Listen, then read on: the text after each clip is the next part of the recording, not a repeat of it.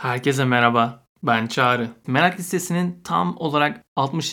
bölümündeyiz. Konuğum Rengin Akkemik. Kendisi eğitmen, kolaylaştırıcı, hatta Uluslararası Kolaylaştırıcılar Derneği'nin Türkiye'de kurulmasını sağlayan kişi. Kendisi yaşam ve öğrenme ilkesiyle hareket eden, meraklı, öğrenmeyi seven, araştıran ve hayata da hep daha farklı yerlerden bakmak isteyen, daha fazla nasıl öğrenebileceğinin peşinde koşan birisi. Kendisini tanıdığımdan beri öğrenme merakını hayranlıkla takip ediyorum. O yüzden kendisiyle öğrenme ağı üzerine konuşmak çok keyifli oldu. Tabii ki her zaman gibi yine hatırlatmamı yapayım.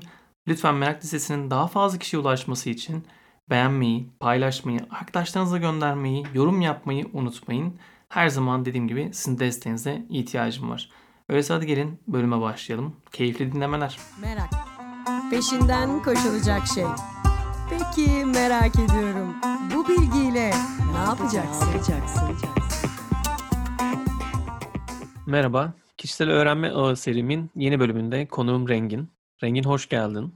Nasılsın? Merhabalar Çağrı. Çok teşekkür ederim. İyiyim. Sen nasılsın? Ben de gayet iyiyim. Seninle sohbet etmek her zaman keyifli. Şimdi de bunu kişisel öğrenme ağı üzerinden sohbet edeceğimiz için heyecanlıyım ben. Ben de öyle çünkü öğrenme kavramı benim hayatımın olmazsa olmazlarından. Ee, böyle biraz fanatik bir e, öğrenciyim. Öğrenci e, ruhunu kaybetmeyen biriyim. Hele e, şey de çok hoşuma gidiyor. E, merak listesi. Bu kavramlar benim hayatımda çok yer eden şeyler. Dolayısıyla çok heyecanlıyım. Yani çok teşekkür ederim. Yani şimdi seni tanıtmak için böyle baktığımda ilk aklıma gelen şeyler eğitmensin. Yani kolaylaştırıcısın ki Uluslararası Fasilitasyon Derneği'nin aslında Türkiye'ye gelmesini sağlayan, onu kuranlardan birisin Türkiye içerisinde. Hala etkin bir şekilde bunun yayılması için çalışıyorsun. Bir taraftan eğitim şirketin var, ortağın Duygu ile beraber Eğitim 360 var. Ve bir taraftan da bakınca aslında bunlar sadece benim hızlı gördüğüm, ilk aklıma gelen şeyler. Yani bunlar böyle ilk görünen şeyler büyük ihtimalle. Ama seni biraz daha yakından tanıyalım istiyorum. O yüzden mesela seni bir arkadaşına sorsak, rengini bize nasıl anlatırdı? Hmm. Rengini nasıl anlatırdı? Her şeyden önce sanıyorum e, birçok kişi e, benim öncelikle iyi bir dinleyici olduğumu söylerdi. E, ben gerçekten o kadar farklı alanlarda merakları olan bir insanım ki biri bana bir şey anlatırken çok büyük bir merakla dinlerim tüm e, dikkatimi vererek dinlerim. Bu öne çıkan bir şey olur. Bunu sıklıkla yakın arkadaşlarımdan duyarım. Sen çok iyi bir dinleyicisin lafını. Ve bunda biraz açıkçası bunu duydukça hani vardır ya e, psikolojideki e, pekiştirme kavramı. Bunu duydukça belki kendi içinde zamanla daha da iyi bir e, dinleyici olduğumu düşünüyorum. İkinci olarak yine e, Hani 10 kişiye sorduk 9'u ne dedi? 9'u herhalde rengin için araştırmacı der. Ee, enteresan yine aynı merak duygusundan kaynaklanan bir araştırmacı yanım var. Bir kitabı e, ona ekleyeceğim 4-5 kitap daha okumadan bitiremem mesela. Orada bir şey dikkatimi çeker, o beni başka bir yere götürür, oradan yeni bir şey daha e, öğrenmek. E, çok araştırmacıyım, çok araştırırım ve e, belki bunda e, iş hayatına bir mühendis olarak dahil olduğum 90'lı yılların başında araştırma firmasında çalışıyordum. O kültürü çok sevdim. Endüstriyel araştırmalar yapıyordum ama yan masamda da işte Coca-Cola'nın araştırması yapılıyordu. Öbür tarafta Henkel'in araştırması yapılıyordu araştırma e, ruhuna o yıllarda çok iş hayatının en başında sahip oldum. Sonrasında da bunu sürdürüyor olmak bana e, hep katkı sağladı. Dolayısıyla çok araştırmacı olduğumu söylerler. Bir de e, galiba biraz e, pembe gözlük biriyim. Pembe gözlük biri? pembe gözlüklerle bakarım hayata her şeyden bir fayda çıkartmayı, her şeyin olumlu bir katkısı olabileceğini, hani derler ya böyle her olumsuzun içinden fayda çıkartmak ya da oradan bir katkıyı bulabilmek, onu da bulmayı başaranlardanım. Benim için salt kötü ya da salt olumsuz diye bir şey yok. O olumsuzluğun içerisinde olumluyu bulma konusunda da bir e, sihirbaz becerisine sahibim. Çeker alırım, hakikaten de bulurum. Yalnız bu çok güzel bir beceriymiş. Bunun bunun eğitimini veriyor musun? Atölyesini yapıyor musun? Aslında evet, bunun, belki güzel bir, soru bu. Bunun bir eğitimi. Bunun eğitimini ben şöyle düşünüyorum. Proaktif kavramıyla, karşılaştığımda, 80'li yıllarda proaktif olma kavramıyla karşılaştığımda biraz bu kavramın içerisinde kendimi gördüm. Neydi, o proaktif kavramı karşılaştığım? Bizim hayatta değiştiremeyeceğimiz bir takım şeyler var. Kontrol edemeyeceğimiz bazı şeyler var. Oraya takılıp kalmaktansa o olum e, değiştiremeyeceğimiz ya da kontrolümüzün dışında olan bütün konularda hep kendime dönüp peki ben ne yapabilirim sorusunu sormak aslında proaktif olmak. Olumsuz ya da e, değiştiremediğim, yönetemediğim şeylerle mücadele etmektense o şartlar altında ne yapabileceğime odaklanmak. Bu zaman içerisinde üzerinde de biraz çalışarak orada kalma, orada ne olup bittiğini bil. Fakat oradaki bütün bu olumsuzluklar ya da sınırlar çerçevesinde kendi doğrularını, kendi yöntemlerini bul kavramı benim için bir e, alışkanlık, gerçekten bir alışkanlık ve bu e, faydalarını da çok gördüğüm için hani insan biliyorsun hani hepimiz akıl ruh sağlığı yerinde yetişkin insanlar biraz faydacıyız. E, bu bana fayda getirdi, mutluluk getirdi, e, yaşamımda e, güzel dostluklar getirdi. E böyle olunca da bu bakış açısını galiba korumaya devam ettim. Ya çok kıymetli söyledin. Yani çünkü şu anda mesela bu benzer söylediğin hani proaktif kavramı yanında şimdi bir de rezilyans var yani yılmazlık becerisi, yani duygusal dayanıklılık falan diye. Aslında bu söylediğin şey onu da çağrıştırıyor. Onu da doğuran veya da besleyen, o beceri güçlendiren bir yerden bahsettiğin. Tamamen öyle, tamamen öyle. Çünkü e, o dayanıklılık dediğimiz şey, dayanıklı olmak, hadi bakalım dayanıklı olalım, hadi bakalım iyi yap. Hayır böyle bir şey değil, bu söylemle yapılacak bir şey değil onu doğru analiz etmek, nasıl bir olumsuzluk içindeyim, onu doğru netleştirmek ve onu bildikten sonra yapabileceklerine odaklanmak. Kesinlikle bu duygusal dayanıklılığı da sağlıyor. Valla çok güzel. O zaman asıl serimin de adı olan kişisel öğrenme ağını sorayım. Yani bunu her bölümde soruyorum. Kişisel öğrenme ağı dediğimde sende neler canlanıyor? Sana neler ifade ediyor bu kavram? Başta da dedim ya Çağrı, benim için e, öğrenmek gerçekten çok e, sınırsız bir şey.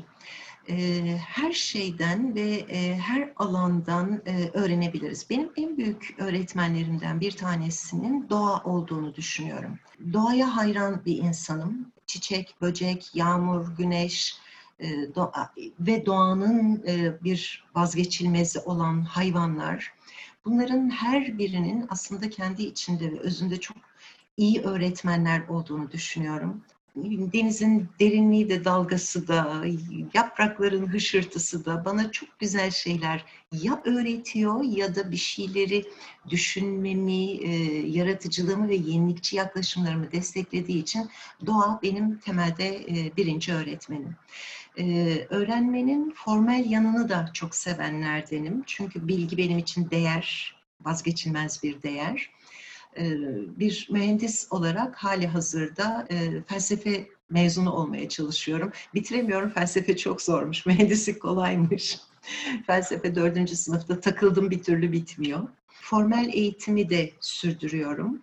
Bunun yanı sıra çok şanslı bir e, çağdayız. E, ucundan da olsa bu çağı yakalamış olmanın verdiği bana inanılmaz bir mutluluk var. E, telefonumda ve bilgisayarımda onlarca farklı öğrenme platformunun bayağı paralı izleyicilerindenim. Şeyi bilgiye para vermek benim için çok harika bir yatırımdır. Kendimi mutlu hissederim bir sürü online programı e, takip etmek, forumlara katılmak, zirvelerde yer almak e, bunlar yine benim öğrenme ağımı çok besliyor.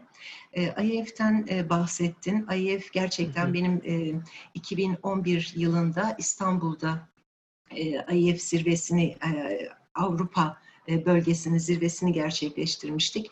IEF benim için vazgeçilmez bir öğrenme ağı. Çünkü IEF dediğimizde binlerce 60'ın e, üzerinde 70'e yakın ülkede hatta yeni katılanlarla 70'i bile geçmiş sayıda ülkede benim yalnızca telefonumdan ufak bir mesajla ilişki kurabileceğim bu işi, yaptığım işi yapan çok fazla sayıda kişi var.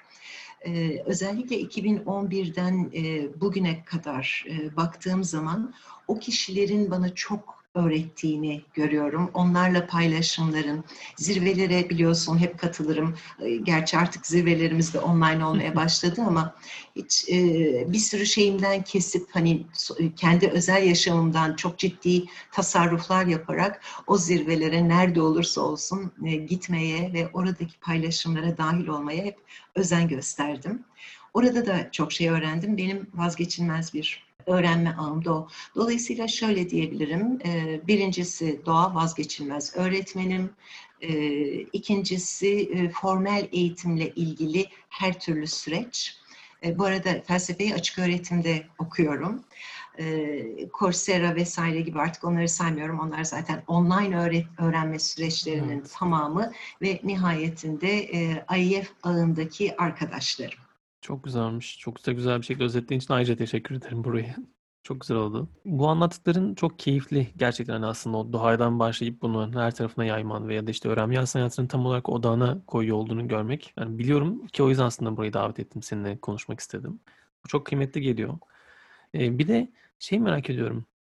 Mesela bir şeyi öğrenmeye başladığında nasıl bir süreçten bunu geliştiriyorsun? Yani nasıl bir şekilde aslında bir şeyi merak ettiğinde onu araştırmaya dönüştürüyorsun? Nasıl bir süreci var? Şimdi biraz e, törpülemeye çalıştığım mükemmelliyetçi bir yanım var. E, Voltaire'in güzel bir e, cümlesi var. E, mükemmel iyinin düşmanıdır diye. Bazı kaynaklarda iyi mükemmelin düşmanıdır diye de yazar. Fakat doğrusunu araştırıp e, mükemmel iyinin düşmanıdır. İyi ile yetinmeyi kişisel olarak bir türlü e, beceremedim. Yapmaya çalışıyorum. Hala kendimi o mükemmel arayışında buluyorum. Bu öğrenme sürecimi de çok etkiliyor. E, gerçek bilgiye ulaşabilmek için e, aynı konuyu çok farklı kaynaklardan e, araştırmadan rahat edemiyorum. Çok hani normalde işte diyelim ki bir tane iyi bir makale okudun, onunla ilgili bir kaynak kitaba ulaştın, onu okudun, onunla ilgili bir seminere katıldın, iyi olduğunu, güçlü bir background olduğunu bildiğin bir konuşmacıyı izledin. E, yetin değil mi yani yetin işte daha ne? Hmm, acaba başka bir yönden de bakan olmuş mudur bu konuya diye bir kendime soru soruyorum ve başlıyorum yeni bir araştırmaya girmeye. Bu bazen bana e, zaman kaybettirebiliyor. E, bu hani tek dezavantajının bu olduğunu düşünüyorum. Çünkü zaman e, tek e, dezavantajı bu ama zaman günümüzde o kadar e, değerli bir kavram ki bazen e, onun önüne geçmek istediğim oluyor. Detaycıyım yani bir şeyi e, çok farklı kaynaklardan e, araştırmadan e, bir şeyi öğrendiğine inanmayanlardanım ve ben bir şey biliyorum deme konusunda da çok zorlananlardanım. Ee, öğrendim, biliyorum. Tamam, peki. Bunu biliyor musun dediklerinde ya biraz evet bu konuda biraz bilgim var diyebilirim ama asla hani evet ben bu konunun yüzde yüz hakimiyim. Çünkü öyle bir şeyi bugünün dünyasında hiçbirimizin diyemeyeceğine de inanıyorum. Evet. Yani ama bunu çok fazla aslında özellikle de çok bilmeyen insanların hızlı bir şekilde bildiğini söyleme ya da her şeyi bildiğini düşünme halleri çok fazla.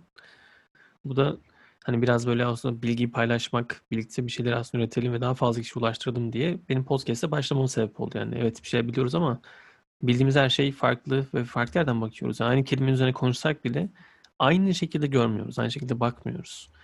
Ve bu bence çok kıymetli geliyor. Hani bunu yaygınlaşabilmesi, çoğalabilmesi e, dileklerimden bir tanesi, temellerinden bir tanesi. Çağrı, bu, bu, bu dediğin o kadar önemli bir şey ki bunu yalnızca bunu fark edebilsek yani aynı kelimeye bakıyoruz, aynı resme bakıyoruz, aynı durumla karşı karşıyayız. Fakat bunun karşısında hepimizin e, bambaşka algıları var. Bunu fark ettiğimizde birçok sorunun, birçok anlaşmazlığın kolay bir şekilde ortadan kalkabileceğine inanıyorum. Çünkü dünyayı hani hepimiz e, muhteşem güzel bir cümledir. Hepimiz olduğu gibi gördüğümüzü zannediyoruz. Oysa hepimiz kendimiz nasılsak dünyayı da öyle görüyoruz. Bu bu yanılgıdan kurtulabilsek, evet ben böyle görüyorum. Peki acaba Çağrı sen bu konuyu nasıl görüyorsun? Duygu sen bu konuda ne düşünüyorsun? Şeklinde birbirimizi anlamaya, birbirimizden öğrenmeye başladığımızda e, bence asıl işte o e, dediğim harika dünyaya doğru ilerliyor olacağız. Kesinlikle öyle yani. Mesela şu an bu 7. kayıt. 7. kişiyle görüşüyorum. Yani kişisel öğrenme ağı üzerine mesela. Her kişiye sorduğumda 7 kişi de yani seninle beraber herkes birbirinden farklı şekilde cevapladı. Şu an hiç kimse aynı şekilde cevaplamadı. Evet kesişim kümeleri var. Elbette olacak. Ama aslında herkes farklı yerden bakıyor. Bunu görmek de çok güzel geliyor bana. Biraz önce söylediğin şeye doğru biraz böyle yani şey yapmak istiyorum. Aslında bir tane sorun benim yankı odalarında kaldığında öğrenmede işte rahat nasıl çıkıyorsun'a doğru giden bir sorun vardı. Ama sen aslında çok güzel şey cevapladın. Yani aslında bir konuyla ilgili hep farklı yerlere baktığını, farklı görüşleri de kovaladığını, detaylandırdığını söyledin. Ama yine de ben biraz böyle sormak istiyorum. Belki bir örnek de olabilir aklına gelen. Ya öğrendiğin bir konuyla ilgili kendi rahat alanında hissettiğin, işte yankı odasında kaldığın zaman ne yapıyorsun? Rengin oradan nasıl çıkıyor? Öncelikle hiç benim e, düşünmediğim gibi düşünen, konuyu e, tamamen e, hatta bana rengin bu konuda e, sen hiç de doğru düşünmüyorsun e, deme ihtimali olan kişilere ya da kaynaklara yöneliyorum. Benimkinden çok farklı düşünen ve bu konuda e, o düşünceyi de ısrarla savunan ve yaygınlaştırmaya çalışan kişilerin neden o düşünceye, o duyguya, o fikre bu kadar sıkı sıkıya sarıldığını öncelikle anlamaya çalışıyorum. Çünkü eğer e, hep şöyle bakıyorum, e, herkes düşünme potansiyeline sahip herkes farklı alanlarda bilgi birikimine sahip. Bütün bu bilgi birikimi üzerine bunların üzerine düşünerek ortaya çıkan bir şey benim algılarımdan çok daha farklıysa onun arkasında benim ya bilmediğim ya hiç deneyimlemediğim ya hiç şahit olmadığım bir şey vardır. O ne acaba? Ya bakıyorum. Böylelikle ora ve inan buna e, her seferinde oralarda benim kendi düşüncelerimi geliştirem, geliştirmeme ya da bilgilerimi derinleştirmeme katkı sağlayacak bir şeyler illaki çıkıyor. Ee, ben de öğrenme konusu ya da hani başkasının fikri dendiğinde buradaki açıklığımda e, sınır yok desem yeridir. Şöyle ki ben hani hep diyoruz ya çocuklarımızdan öğreniriz. Çocuklar bizim en büyük öğrencilerimiz. Evet gerçekten öyle olduğunu düşünüyorum. Çocuklar harika öğretmenler. Ee, yaşlılar harika öğretmenler. Bir e, deneyimlerin sonucunda geldikleri noktada söyledikleri, verdikleri tavsiyeler bana uymayabilir. Ben onu hiç benimsemeyebilirim. Ancak o arkasında öyle güzel bir deneyim, öyle bir birikim yaşatıyor ki onu almaya ve belki de hani yankı odaları deyince e, dedim yani ben pek yankı odalarına galiba düşmüyorum. Bu yüzden de galiba düşmüyorum. Çünkü hep merakım bizden farklı düşünen, benden farklı yaklaşan. Onun arayışı yine orada da aslına bakarsan senin çıkış noktana denk geliyoruz. Hep merak var ve o, o merak duygusu e, beni çok motive ediyor galiba. Çok güzel. Ya peki ilk mesela öğrenme alanı başlattın ya da oluşturmaya başladığın zaman nasıl, ne zamandı? Hatırlıyor musun bunu? Nasıl başladın böyle bir ağ oluşturmaya? Yani merakının peşine ve farklı geldi kişilerden öğrenmeye doğru geçişin. Şimdi ilk galiba e, bu e, üniversite yıllarımda oldu. Ben e, çok şanslı bir öğrenci olduğumu düşünüyorum.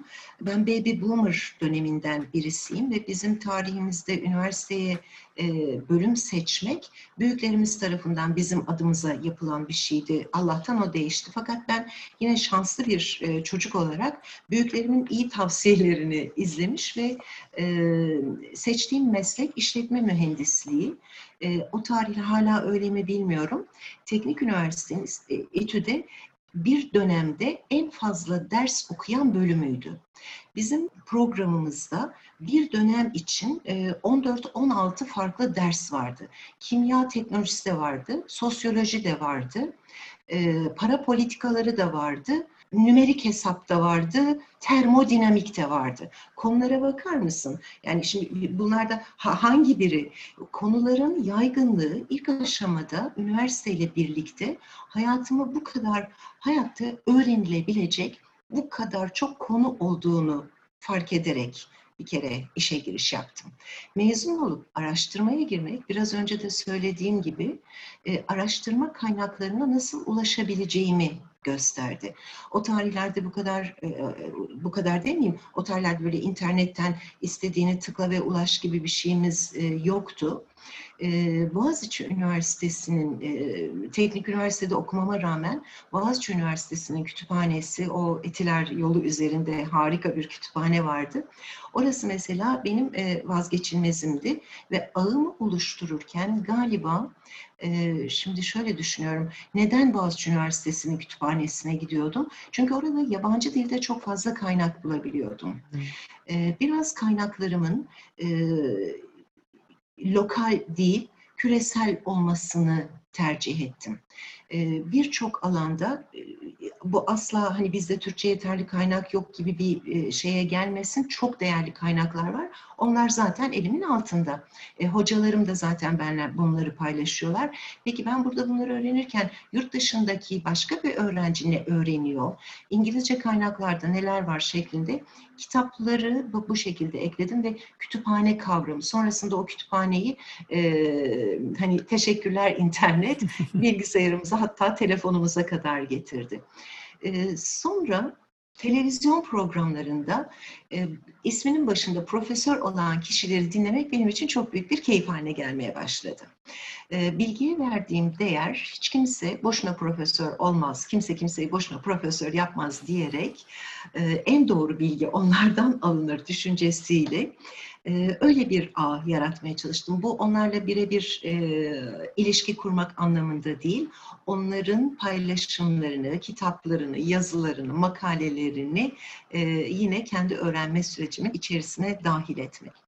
E, ve sonra yine biraz önce söylediğim gibi 2005 yılında ben e, IEF'le e, tanıştım. 2005 yılından bu yana üyesiyim.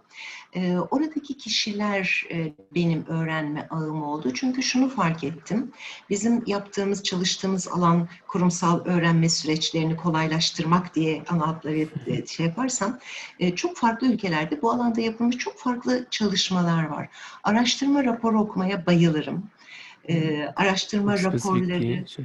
çok çok önemli. Yani mesela bir, bir şeyi istediğin kadar 10 tane e, kitaptan oku ya da e, bir sürü konuşmacıyı izle. Bir araştırma raporu hele hele küresel bazda yapılmış ülkeler arası karşılaştırmaları da içeren bir e, araştırma raporu okuyorsan o birden bakış açını çok değiştiriyor. Böylelikle e, hani öğrenme ağımdaki bir diğer e, temel öge sanıyorum araştırma raporları diyebilirim. E, mesela tavsiye ederim, e, ben ne, neredeyse bu e, son birkaç ayda her programımda katılan katılımcılarımla paylaşıyorum. Gallup'un e, Gallup e, bütün çalışanların bağlılığı, mutluluğuyla yapmış olduğu küresel bazda bir araştırma var. O araştırma raporunu okumak e, bize çok şey öğretiyor. Kesinlikle öyle. Evet galiba bunlar hani unuttuklarım olabilir ama öncelikliler en azından bunlar diye düşünüyorum. Ya zaten konuşurken aklına geldi yani tekrar geldiği zaman lütfen paylaşırsın. Ben şu an bile çok keyifli hani bunları duymak. Zaten bunlar üzerine aslında biraz bakmaya başlamak bile ciddi bir zaman yatırımı da gerektirecek şeyler. Hani hemen bakabileceğimiz, hemen kendi öğrenmemizi katabileceğimiz şeyler de değil. Ben bir de şeyi çok merak ediyorum ya. Son dönemde böyle öğrendiğin ve öğrenmekten çok keyif aldığın, sana çok böyle heyecanlandıran ne oldu? Evet, e, o heyecanı e, hala taşıyorum. Bugün hala e, onunla ilgili yeni bir şeyler öğrenmek beni çok mutlu etti. Şu anda teknolojiyi kullanarak sınıflarda yaratmış olduğumuz ya da o salonlarda yaratmış olduğumuz interaktiviteyi sağlayan teknolojiyi öğrenmeye bayılıyorum. Teknolojiyi zaten severim fakat şu anda geliştirilen e, gerçekten bu işi tamam salonda yapamıyoruz ve Belli ki uzunca bir süre bunu bilgisayarda yapmaya devam edeceğiz. Burada biz bu katılımcılığı, herkesin sesini duymayı, birlikte düşünmeyi, birlikte öğrenmeyi nasıl sağlarıza yönelik geliştirilen teknolojiler beni inanılmaz mutlu ediyor. Ee, geç öğrendiğimi düşünüyorum. Onu da iki gün önce öğrendim ve beni inanılmaz e, mutlu etti. Hemen onu araştırmaya başladım. Hemen e, ilgili bir e, web sitesine aboneliğimi yaparak günden şey e, paylaşımların gelmesi e, de başladı. E, DNI Leader. DNI Leader, um, Diversity and Inclusion Leadership. Bu, bu yeni çıkmamış ama ben bunu yeni duydum bu, bu- ve inanılmaz böyle hani şey e, ne diyeyim kalbimin atış temposu falan yükseldi. Bakar mısın farklılıklar ve farklılıkları e, ve bunu dahil etmek, farklılıkları işin içine dahil etmek. E, uluslararası yine online'da uluslararası bir e, insan kaynakları zirvesine katıldım ve o zirvede e, tam doğru telaffuz edemeyebilirim. Schindler, Schindler, Schindler elektrik firması Hı hı. onun e, globaldeki bir e, DNI lideri konuştu ve insan kaynakları e, yapısı içerisinde diversity and inclusion inclu- inclusion evet böyle bir birim olması beni inanılmaz heyecanlandırdı. Çünkü artık günümüz dünyasında hakikaten o farklılıkları e, yönetebilmek çok önemli. Bunu bir liderlik bir pozisyon olarak tanımlanmış olması, bununla ilgili bir takım e, mesela kadının rolünü tartışıyor.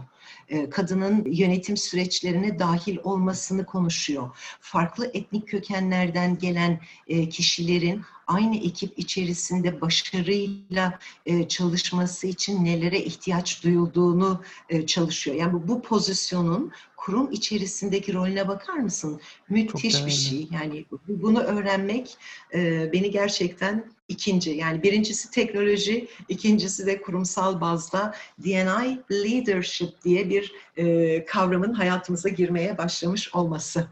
Ya çok güzelmiş. Özellikle şimdi teknolojiyle beraber hani zaten küresel tarafa doğru girişimler çok geçiliyordu ama dünyanın her yerinde insanla çalışmaya başlamayla beraber aslında tam gerçekten çeşitliliği ve sosyal uyumu, bir arada çalışmayı, harmoni yakalayacak şeyleri böyle yatırımların yapıldığını görmek çok güzel. Ben de hani zaten merak listesinin bir de e, bölüm yayınlandıktan sonra merak bülteni paylaşıyorum. O bültende de hani bunu kavramları senede teyit edip paylaşıyor olurum dinleyenler için. Çünkü gerçekten hani dediğin gibi bir şeye bakmak beni, beni heyecanlandırdı yani. Şu anda bir taraftan Google'a yazıp aramaya başladım ama e, yayın Ben, bittikten sonra ben okuyacağım. duyduğum bir, e, bir, bir şey, e, bir yapı var. O liderlerin bir araya gelerek oluşturdukları bir e, platform. Hemen onun linkini hemen paylaşacağım. Çok teşekkür ederim. Güzel geldi bana. Yani bu liste burayı yapmanın en azından sohbetlerin en güzel katkısı öğrenmeye devam etmek. Ve her gün bir şeyler katıyorum. Her sohbette bir şeyler geliyor. O yüzden çok çok mutluyum. Bir başka sorum da şu olacak. Yani e, öğrenme anın mesela konuştuk hani birçok şeyini paylaştın. Peki mesela keşke öğrenmeseydim dediğin bir şeyler var mı? Bazen çünkü bazı şeyler gerçekten yer kaplıyor. Mesela benim bazı şarkılar zihnimde hep böyle çağrışımlar yapıyor. Çok ım, zor bir soru. Kapsamı bilgi anlamındaysa hayır yok. Ancak sorunun kapsamında bilginin dışını da e, içeriyor diye düşünüyorum. Yani bir keşke öğrenmeseydim diyeceğim hiçbir e, bilgi yok. Ama bunun ötesinde öğrendiğim için beni mutsuz eden şeyler oldu mu hayatta? Im, Evet, evet, evet. Bir sürü bir sürü şey öyle olmuştur. Keşke öğrenmeseydim. Yani en Evet. azından e, şunu söyleyebilirim. e, Biraz önce e, Duygu'yla konuştuğumuz bir şey. Haberlerde e, son dönemde insanların e, birbirleriyle olan anlamsız e, çatışmaları, kavgalar, dövüşler falan. Hani mesela öyle bir şeyi hakikaten ay keşke bir babanın çocuğuna bunu yaptığını keşke hiç öğrenmeseydim. Böyle insanların varlığından keşke hiç haberdar olmasaydım. Doğanın vazgeçilmez bir parçası olan hayvanlarla ilgili e, garip şeyleri keşke hiç öğrenmeseydim dediğim. O zaman şöyle tanımlayabilirim Çağrı. Sayende ben de kendimle ilgili bir şey, yeni bir şey öğrenmiş oluyorum. Ben e, hayatın e, o iyi kısmına zarar veren e, şeyleri öğrendiğim e, zaman mutsuz oluyorum. Ay keşke hiç bunu duymasaydım. Keşke hiç bunu öğrenmeseydim e, diyorum. E, evet, böyle bir şey varmış. Sorduğunda asla yoktur diyordum. Bir sürü şey çıktı kafamın içerisinden geçen. Hiç paylaşmak istemiyorum e, hayvanlar ve insanlarla ilgili o son dönemde öğrendiklerimi gerçekten acıtıyor. Evet, ne yazık ki. Yani zaten söylediğin zaman canlanıyor hemen bir şeyler. Keşke öğrenmeseydik dediğimiz. Teşekkür ederim yani cevap verdiğin için. Hani Imm, bir şey diyemedim şu anda. O zaman konuyu biraz değiştireyim ben de. Evet. Ya, mesela yakın zamanda, eee, öğrenmek istediğin ama, işte, vakit bulamadığın, "Vaktim ki vakit yarattığımda, ilk vaktim olduğunda şunu öğreneceğim." dediğin bir şey var mı böyle zihninde senin merakını uyandıran? Eee, var, var, eee, ve tamamen, hani, biraz önce sen çok güzel ifade ettin. Bütün bunlar ciddi zaman alıyor ve, eee, zamanı çok etkili kullanmamız gereken bir, eee, dönemdeyiz. Dolayısıyla bir türlü vakit ayıramadığım hâlde hep aklımın ucunda bir taraflarda olan kavram, eee, teknolojiyle ilgili birtakım, eee, süreçleri, eee, kullanıcı olmanın dışına çıkıp üretici olma hâli. Eee, hani, oturup da bir yazılım değil peşinde olduğum şey. Fakat burada nelerin yapılıyor olduğu, mesela şeyi çok, ııı, merak ediyorum, hani, yapmak adına değil, neler yapılıyor adına araştırmak istediğim bu artificial intelligence. Eee, kocaman bir dünya var. Eee, bize gerçekten, eee, çok değerli katkıları olacak, eee, bir süreç. Orada neler olup bittiğini, öğrenmek istiyorum. Çok derin bir konu olduğu için ona bir türlü, vakit ayıramıyorum. Dalarsam oralarda kalırım diye. Öğrenmek isteğimin nedeni de şu, orada bu alanda, yani organizasyonel gelişimin, kurumsal öğrenmenin daha etkili hâle getirilmesine yönelik neler olabilir? Eee, 2 gün önce bir, eee, Finlandiya firmasının bir, eee, demosunu rica etmiştim. Onları yapıyorlardı. Öyle güzel bir şey söyledi ki tamamen, eee, platformlarında artificial intelligence kullanıyorlar ve, eee, katılımcıların chat'e yazdıkların içerisinden, eee, kelimeleri tanımlatıyorlar ve o kelimeler üzerinden programın sonunda, eee, dırt diye bir özet çıkıveriyor. Bunu bu bunu, e ey AI yapıyor. AI mi diyoruz? Daha çok AI AI diyoruz olmuyor biraz. ya. Evet, yani Türkçe'de hep AI demeye devam ediyoruz galiba AI yani. diyoruz. Tamam, AI. O zaman, hani, bu bunun, eee, öğrenme sürecinde neler orada yapılanları bilirsem buraya neleri daha fazla, eee, adapte edebiliriz? Onunla ilgili belki birtakım şeyler Çünkü yeni bilgi aslında bence yaratıcılığı ve yenilikçiliği, eee, destekliyor. Hani, durduk yerde "Hadi yaratıcı düşünelim." Böyle bir dünya yok. Yaratıcı düşünebilmek için çok şey biliyor olman ve o bilgileri sentezliyor sentezleyebiliyor olman lazım.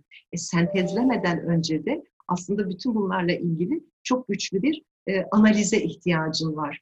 Hepsini çok iyi kendi içinde analiz etmiş olacaksın ki bunları sentezleyebilesin. Burada, eee, evet, öğrenmek istediğim, vakit ayırmak istediğim ve muhtemelen, eee, en azından önümüzdeki birkaç ay daha pek giremeyeceğim konu bu. Dolayısıyla bununla ilgili yakaladığın, "Bak Rengin, pratik bir şey, şu sana belki fikir verebilir." dediğin şeyleri paylaşırsan çok mutlu olurum. Ya, tabii ki. Mesela ilk aklıma gelen, eee, bir tane bu hafta startup'larda ne oldu diye bir tane bülten var, e-bülten. Her pazar geliyor. Onu paylaşırım linkini de. Hatta bu bölümün açıklamalar kısmına da koyarım, hani, takip etmek isteyenler için de. O çok işe yarıyor. Kaliforniya'da Harika. Silikon Vadisi'nde olan bir Türk girişimci paylaşıyor yeni girişimleri, şunlar şunlar oldu, bunlar oldu gibisinden. Çok güzel içerikleri var. Harika.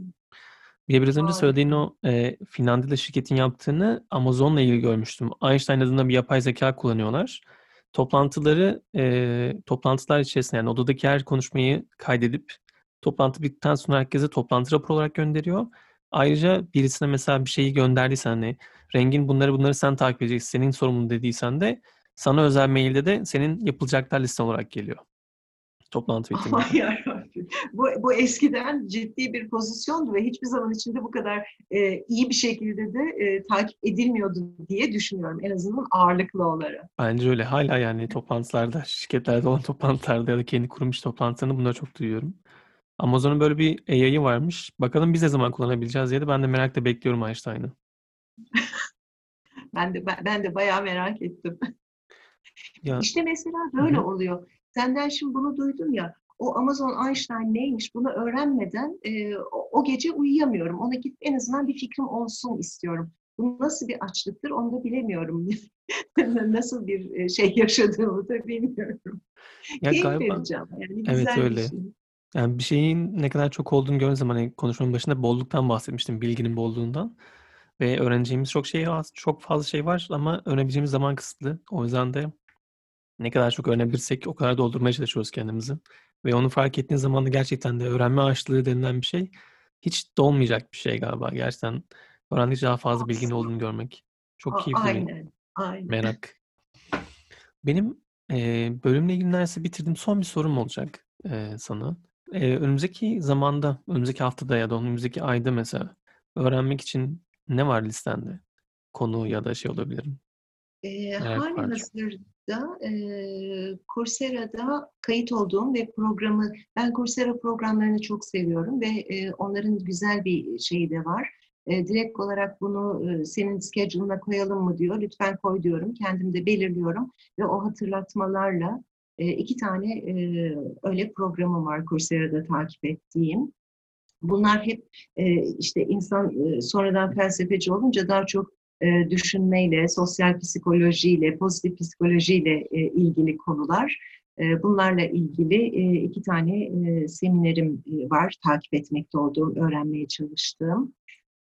Bunun dışında, eee, elimin altında öğrenmekle ilgili galiba, hani, eee, en yakın vadede olanlar hâlihazırda kaydımı yaptırmış olduğum ve başlatmış olduğum 2 tane program bunlar.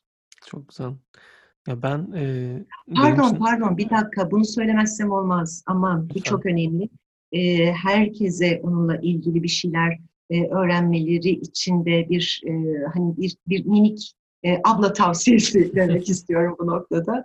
Eee, Theory U. Hepimizin Hımm. Theory U'ya, eee, biraz bakması, oradan, eee, beni, eee, Theory U'yu, eee, ilk duyduğumda çok etkileyen şey, hakikaten önce doğadan koptuk, sonra birbirimizden koptuk, nihayetinde de kendimizden koptuk ve bu bağı tekrar, eee, oluşturmak üzere geliştirilen sevgili Otto'nun, soyadını telaffuz etmekte zorlanıyorum. Her nasıl Scharmer diye düşünüyorum ama emin değilim ben de. Scharmer evet, galiba. Ama isim çok kolay Otto. Eee, ve, eee, çok, o da, eee, bence, hani, bilgiyi paylaşmak ve yaygınlaştırmak konusunda çok bonkör, çok bonkör.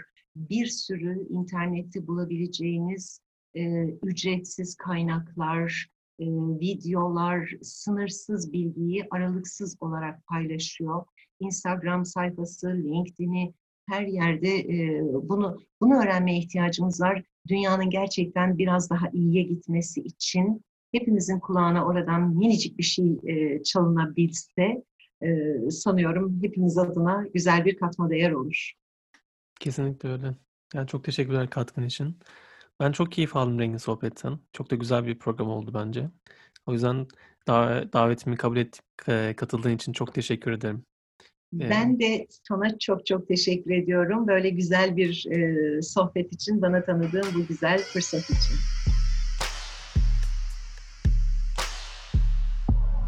Merak ediyorum. Sen de merak ediyor musun?